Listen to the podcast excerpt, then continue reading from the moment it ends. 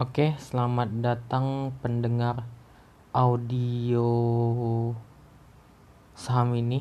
Saya lupa nama nama podcast ini.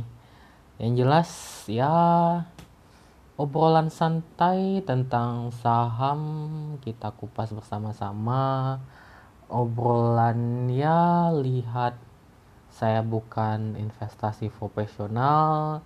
Saya hanya menjalani investasi saham, naik turun saham, lihat perkembangannya, belajar tiap henti, belajar tanpa henti. Karena uh, semua orang yang masuk ke investasi saham siap belajar sepanjang waktu. Karena sa pasar bergejolak, pasarnya naik turun, isunya berubah, ekonomi pun selalu berubah dan kemudian ada yang muncul, ada yang pergi. Jadi ya dipelajari. Mungkin kalau enaknya kalau full time full time-nya saham ya. Ada nggak ah, teman-teman kalau ya mungkin sama lah teman-teman seperti saya Eh, cita-citanya ya full time investasi saham. Full time apakah itu trading ataupun saham. Ya cita-cita saya mungkin sama dengan teman-teman. Gimana mendapatin uang secara konsisten dari investasi saham tanpa bekerja jam 8 sampai jam 5 itulah cita-cita saya. Mungkin kalau ada teman-teman di sini ya ayo dibantu dibantu dibantu jangan apa ya jangan sekedar ngasih info tapi ya berusaha karena cita-cita saya adalah full time investasi saham. Saya belum full jadi intinya nggak kerja makan gaji lagi. Tapi masih masih meskipun ya kalaupun ada uang 200 juta tapi belum dapat sistemnya belum dapat metodenya. Jadi sulit untuk uh, mengejar cita-cita saya itu untuk jadi full time investasi saham. Ya berbeda ya dengan Lo Keng Hong itu. Dia uangnya memang oh, luar biasa banyaknya. Kalau saya sih ya oh nggak banyak sih. Tapi ya ingin uang itu jangan uangnya uang investa bukan uang uang investasi atau uang tabungannya itu dimakan tapi uang investasinya atau bunga investasinya atau imbal hasil investasinya itu yang dimakan jadi kehidupan sehari-hari. Tapi saya nggak tahu masih ya masih jauh lah. Ya menujunya ke sana. Karena uh, rencana strategi saya hmm, kayak perusahaan atau uh, rencana jangka panjang saya adalah ke situ meskipun saya bisa nabung tapi saya belum bisa mengkelawang ya gimana ya namanya mungkin kalau saya kan pekerja pegawai eh, nggak tahu teman-teman pendengar sini apakah pegawai atau uh, pegawai ataupun karyawan swasta sama dengan saya. Jadi uh, itulah yang saya, saya akan jadi rencana saya adalah gimana caranya karena kebanyakan sih saya belum pernah lihat orang yang mungkin yang modal 100 atau 200 juta bisa hidup dari investasi saham atau ngambil makannya itu dari imbal hasil investasi saham. Itu saya belum dapatkan tapi saya berusaha untuk arahnya ke situ. Tahu gimana caranya tapi tiap hari belajar tiap hari belajar tiap hari belajar. Ya sebelum kita masuk ke intinya sedikit curhat sedikit uh, ya memang semuanya curhatan aja sih. Oke teman-teman terima kasih telah mengikuti audio kali ini. Ya lihat beberapa pendengar ya terima kasih. Yang udah yang udah apa namanya? Yang udah selalu berkelanjutan ngecek audio ini ya maklumlah saya juga. Saya juga kalau saya lihat deh kalau tiap hari saya buat audio pasti akan bosan teman-teman karena pasti itu itu aja dan update harga. Tapi kalau teman-teman sekali seminggu ada yang ditunggu dan uh, berkualitas sedikit. Oke? Okay?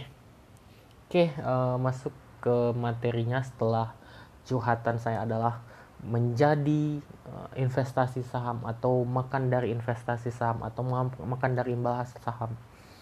Dari situ uh, itu sih uh, tujuan saya. Uh, tujuan saya itu tapi belum tercapai juga. Kalau ada yang kalau ada yang setuju oke okay, kita sama. Oke okay. uh, bagaimana oke okay, lihat portofolio teman-teman. Bagaimana portofolio teman-teman di saat corona ini? Ada yang minus 30% dari total saham 40 50 60 70 oke. okay saya yakin pasti minus. Mungkin di atas 30% ayo. Ngaku. Teman-teman nggak sendirian karena saya juga di sini juga saat ini portofolio saya minus. Meskipun di saat corona ini alhamdulillah ya uh, uh, kerja saya masih lancar. Jadi saya masih average down average down average down karena itu saya nggak kira-kira saya nggak kalau punya saya punya uang dalam satu bulan itu habis gajian saya nggak beliin semuanya. Saya satu minggu saya beli. Hap minggu ke depan saya beli. Hap. Hap. Tapi ya lihat harganya. Kalau kalau misalnya dia harganya lebih tinggi daripada di minggu kemarin kita tahan dulu. Tapi ketika dia lebih murah daripada minggu kemarin kita beli. Tapi dengan nominal yang sama. Oke okay, uh, eh, jadi saya bilang portofolio teman-teman pasti akan minus. Jadi teman-teman jangan khawatir karena semua orang ini di dunia saham pasti seperti itu. Jangan samakan kita dengan orang yang ketika pasar saham pasar saham hancur langsung keluar uang. Shop kita nggak seperti itu.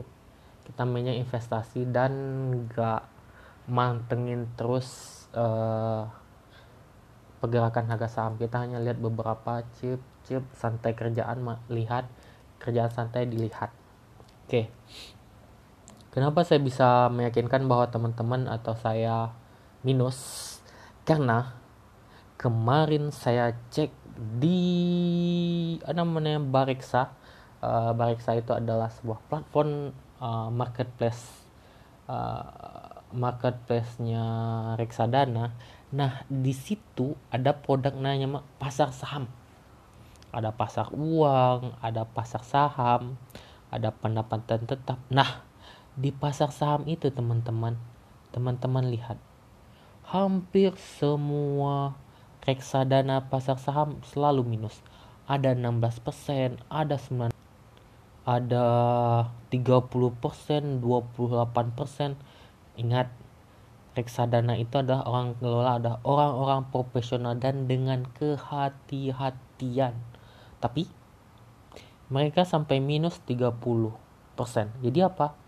Tidak hanya yang hati-hati pun bisa minus, apalagi kita yang belum punya pengalaman dan belum punya sistem, uh, pasti kita akan minus. Jadi jangan khawatir teman-teman tidak sendiri semua orang saat ini minus minusnya pasti di atas 30 nah uh, jadi kalaupun jadi yang yang saat ini megang portofolio pasti akan minus. Dan orang-orang baru tidak akan masuk saat ini.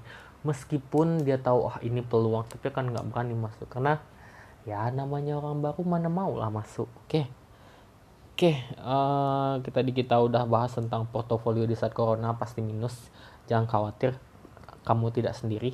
Kemudian uh, kita bandingin ke orang-orang yang profesional seperti di reksadana, mereka minus juga.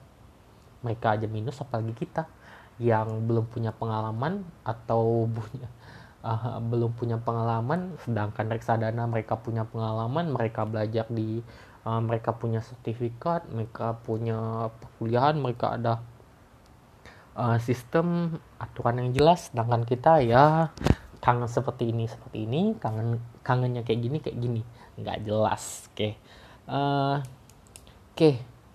Uh, banyak di dugaan saya dan saya juga merasakan juga ketika corona ini semuanya minus. Semua tidak percaya dengan metode masing-masing yang telah dipercaya. Oke. Okay. mereka tidak percaya dengan metode. Ingat teman-teman jangan jangan apa namanya jangan uh, gonta-ganti metode lah. Metode yang udah dipercaya cobalah itu dievaluasi lagi. Jangan sering-sering sering-sering gonta-ganti metode. Coba perbaharui lagi metodenya. Bukan perbaharui ya evaluasi metodenya. Apakah metodenya itu bisa di pasar saham seperti ini atau pasar saham di pasar ini? Jadi evaluasi evaluasi lihat oh apa uh, metode ini nggak cocoknya di sini. Metode uh, ini nggak cocoknya di kondisi pasar seperti ini metode itu jangan jadi apa ya jadi? jangan keseringan uh, metode-metode ya pasti ada kelebihan dan kekurangan. Tapi bagaimana teman-teman melihat metode ini cocoknya di mana? Atau evaluasi lagi pertajam lagi. Oh metode ini uh, menyebar biasanya 12 uh, jenis saham dengan uh, sektor berbeda atau harusnya 20 atau 5 atau 15 atau 5 malah. Jadi di dievaluasi lagi. Apakah belinya langsung sekali banyak atau belinya cicil-cicil per minggu per hari? Atau per momentum? Atau per uh, yang time frame-nya satu bulan dua bulan tiga bulan satu tahun? Jadi dievaluasi lagi teman-teman. Jadi ya kalau dilihat yang diganti dari metode adalah time frame berapa kali beli? Berapa kali beli time frame itu aja kayaknya itu aja kayaknya. Oke uh, lanjut ke jadi intinya yang ketiga yang pertama portofolio corona yang kedua cek bariksa yang ketiga jangan gonta-ganti metode tapi evaluasi kemudian terakhir obrolan trading. Oke. Uh, tempat kerja saya sudah ada lingkungan atau sudah komunitas nggak komunitas sih tapi intinya ada orang-orang yang pemain saham berkumpul mereka bercerita oh oi bagaimana saham kamu? Bagaimana saham kamu? Bagaimana saham kamu? Jadi ceritanya ke saya ya saya kan profil resikonya moderat. Tapi teman-teman saya dua mempunyai profil resikonya uh, tinggi. Profit bukan ya, maksudnya resikonya itu enggak mereka siap ngambil resiko resikonya tinggi. Jadi mereka itu ya meledek metode saya. Tapi bukan metode saya bukan apa ya bukan nabung saham ya. Saya udah tinggalin tabung saham itu nggak tahu sampai kapan nabung saham. Uh, jadi yang saya lihat itu adalah ya time frame saya tiga bulan dengan sebaran saya ada 20 saham.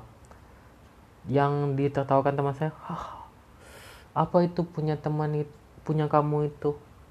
Punya kamu itu orang yang tidak mau ngambil resiko orang yang ah dapatnya untungnya dikit-dikit. Karena teman-teman saya dia profil resikonya tinggi. Mereka sanggup membeli saham yang gorengan dengan belinya tidak sedikit dengan waktu satu, kali. Fop, misalnya ada 10 juta, 10 juta langsung sop. Uh, beli saham-saham yang seperti apa? Friend, uh, Sky yang yang jarang lah masuk beritanya kalau saya kan enggak saya cari saham yang kualitas memang saham gorengan itu jet roller coasternya tinggal shoo, kadang naik kadang turun cepat. Jadi tidak menunggu lama. Sedangkan ya saham-saham saya ya naik dikit-dikit turun dikit-dikit naik turun. Jadi uh, fluktuasinya itu rendah. Tapi ya memang. Teman-teman apa? Jadi teman-teman ada yang tanya e, mana yang bagusnya? Yang resiko tinggi atau yang rendah. Jadi kalau misalnya seperti saya 20 itu kalau misalnya untung itu nggak terasa dikit banget. Tapi ketika teman-teman cuma punya uang 50 juta masukin dalam satu jenis saham oh itu dagingnya luar biasa. Dan minusnya pun bahaya. Tapi apakah apakah sanggup uh, teman-teman menanggung resiko itu? Menderita melihat sahamnya itu saya sih enggak saya lebih baik uh, receh-receh tapi konsisten. Kalau teman-teman saya biarlah sekali nunggunya lama yang penting dagingnya atau imbal hasilnya tinggi. Ya diledekin ya diledekin. Tapi ya nggak sanggup liatin 20 juta terendam minusnya sampai 15 juta nggak sanggup saya. Oke uh, jadi teman-teman uh, saya punya moto moto saya oke. Okay, kalau saya punya moto teman-teman juga kalau mau moto saya diambil silahkan. Karyawan lima tahun ke depan uh, lima tahun ke depan jadi full time investasi. Makanya dari imbal hasil minimal ya dapetin lah um, dapetin lah konsistensinya. Karena berapapun uang teman-teman 500 juta pun kalau misalnya teman-teman nggak bisa mendapetin metodenya itu atau nggak konsisten nggak dapet sistemnya ya lihat sahamnya saham nyangkut yang harapin oh kita kayak Warren Buffett. Kita ngambilkan apa namanya uh, apa namanya itu yieldnya atau dividennya dividen dividen janganlah dividen kalau ada yang jual beli saham yang menguntungkan ngapain cari dividen oke terima kasih teman-teman. Nanti saya akan perbaharui lagi isi kepala saya. Ini isi kepala saya minggu ini. Terima kasih teman-teman. Apa ya salamnya? Dadah. Dadah